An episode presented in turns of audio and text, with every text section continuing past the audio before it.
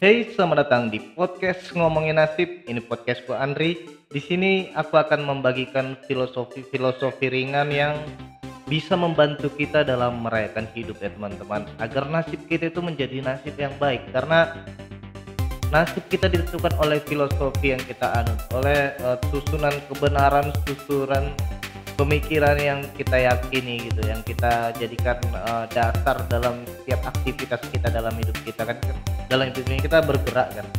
Dalam hidup kita bergerak dan bergerak itu berdasarkan panduan-panduan yang ada di pikiran kita. Nah aku sih membayangkan apa yang ada di podcast ini apa yang ada di podcast ngomongin nasib bisa menambah referensi teman-teman dalam dalam ini tadi menentukan panduan-panduan tadi. Tetap tetap yang menjadi penentu dari filosofi yang teman-teman anut adalah diri kalian sendiri gitu.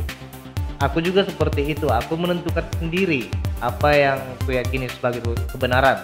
Begitu juga teman-teman begitu juga harapannya sih mau semua orang bisa seperti itu Wak. dengan jadi kita bisa bilang kalau semua orang itu berpikirnya sadar gitu. Jadi bisa melakukan hal-hal itu lebih independen lebih merdeka lebih bebas ya kan itu gunanya orang belajar uh, filsafat atau filosofi. Kalau misalnya ada yang nanya kenapa sih kita ribet-ribet uh, mengetahui soal filsafat mengetahui soal filosofi? Emang apa apa pentingnya sih filsafat? Apa pentingnya sih filosofi? Karena mungkin ada juga orang yang nggak sama sekali nggak akrab dengan yang namanya filsafat ya. Dia paling taunya kata filosofi itu dari film gitu misalnya film filosofi kopi. Tapi bukan itu intinya. Poinnya adalah uh, ada sebuah susunan pemikiran ada sebuah ilmu yang sangat penting bahkan derajat derajat ilmu yang satu ini lebih dari segala ilmu dan dianggap sebagai ibu dari ilmu-ilmu yang ada dan ilmu itu bernama filsafat. Aku sendiri adalah orang yang menyukai filsafat, orang yang suka baca-baca buku-buku filsafat. Nah, kalaupun bukan buku filsafat tapi uh, buku yang di dalamnya terkandung filosofi yang menarik gitu. Begitu juga ketika aku menonton film-film, begitu juga ketika uh, menikmati musik gitu. Karena itu jadi bikin manusia spesial kalau menurutku. Bagaimana manusia bisa berpikir jauh berpikir um, dalam terstruktur sistematis untuk membahasakan apa yang benar gitu. Dan itu yang dilakukan oleh filsafat. Filsafat filosofi itu itu berasal dari kata philo dan sofia kan. Philo philo itu cinta.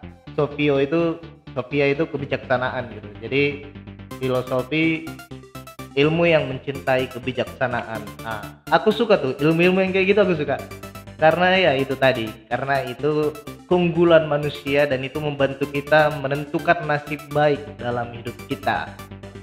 Walaupun aku um, bukan orang yang bukan seorang akademisi filsafat ya aku aku nggak menempuh pendidikan filsafat aku cuma modal baca buku-buku dan buku-buku yang aku baca juga itu berbahasa Indonesia artinya uh, susunan kalimatnya itu sudah bukan lagi susunan kalimat asli dari si pemilik pemikiran filsafat itu.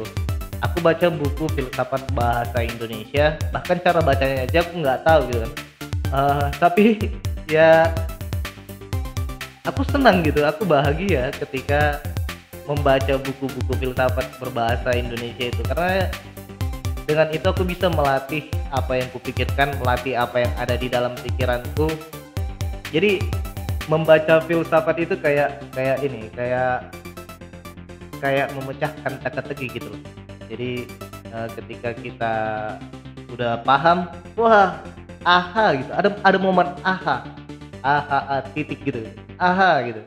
Ketika kita berhasil uh, solving the problem gitu.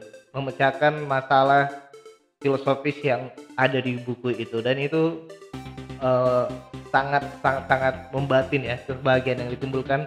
Dan setelah itu cara pandang kita terhadap dunia juga pasti bakalan berubah. Nggak sama lagi kalau kita itu udah membaca buku filsafat. Tapi memang ada aja orang yang akhirnya itu jadi kewarasannya terganggu. Jadi jadi kayak ini ya. Jadi ada ada juga yang bilang filsafat itu bikin orang itu jadi gila. Apakah iya? Kalau aku sih sejauh yang kualami uh, ya memang kita jadi agak keluar keluar dari norma-norma masyarakat pada umumnya ya agak keluar. Tapi berarti kita keluar gitu. Ada orang keluarnya kejauhan. Akhirnya ya dicap gila atau mungkin beneran gila karena prosesor otaknya apa ya over over ini terlalu digunakan akhirnya terjadi error gitu. Itu lain cerita itu nggak hanya karena filsafat karena apa pikiran apa pun bisa membuat orang seperti itu gitu. Jadi kesalahannya itu tidak ada pada filsafat kita. Jadi karena beban hidup orang jadi gila juga gitu kan. Nah bagaimana agar kita uh, menyukai filsafat tapi tidak tidak terlalu jauh keluarnya dari norma masyarakat? Mungkin itu penting juga untuk dibicarakan. Kayaknya kita harus lebih banyak belajar membicarakan soal topik ini ya topik-topik filsafat dalam pengertian ilmu-ilmu filsafat. Kalau selama ini kan podcast ngomongin nasib itu lebih ke filosofi ringan versiku sendiri kan. Jadi aku punya filosofi-filosofi ringan yang sifatnya taktis, praktis untuk digunakan di kehidupan sehari-hari. Dan itu uh, lebih karena hasil perenungan pribadi. Tapi kayaknya ke depan ada baiknya kita membicarakan pemikiran-pemikiran orang lain ya, pemikiran-pemikiran yang lebih besar lebih besar dari seorang Andri ngomongin nasib gitu. Misalnya pemikiran Immanuel Kant atau Karl Marx atau Friedrich Nietzsche atau aduh aku kalau membahasakan nama-nama orang kaum filsuf ini agak sulit karena karena nama-namanya itu bahasa-bahasa asing gitu. Dan aku membaca bukunya dalam bahasa Indonesia jadi kurang tahu pelafalannya cara mengucapkannya. Tapi kayaknya ke depannya podcast ngomongin nasib akan lebih banyak mengulas masalah itu ya. Masalah filsafat filsafat punya orang lain. Tapi juga nggak terbatas di situ.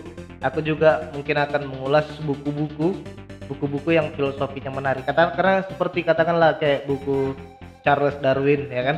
Charles Darwin itu kan dia mencetuskan teori evolusi yang berhasil mengubah cara pandang sebagian besar orang, saintis, ilmuwan di dunia terhadap kehidupan kita gitu.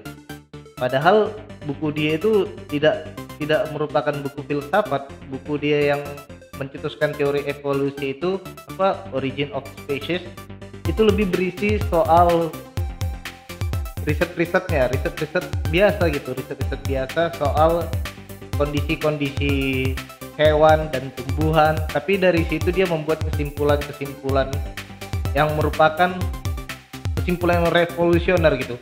Kesimpulan yang mengubah segalanya mengubah cara pandang orang terhadap makhluk hidup perkembangan makhluk hidup. Yaitu ternyata manusia makhluk hidup berkembang dengan cara evolusi. Dan sekarang penemuan-penemuan ilmiah didasarkan pada teori evolusi itu gitu. Jadi buku-buku yang kayak gitu juga mungkin akan aku bahas di podcast ngomongin nasib. Kita akan lebih ke hal-hal yang bersifat literatur gitu literasi. Supaya ya supaya lebih berisi aja nggak hanya soal narsismeku yang ingin mengutarakan pemikiranku sendiri yang ingin ya menyampaikan subjektivitasku. Karena aku memang menganut filosofi itu juga gitu. Bahwasanya uh, kebenaran itu subjektif. Artinya kembali kepada siapa yang menyatakan kebenaran itu gitu.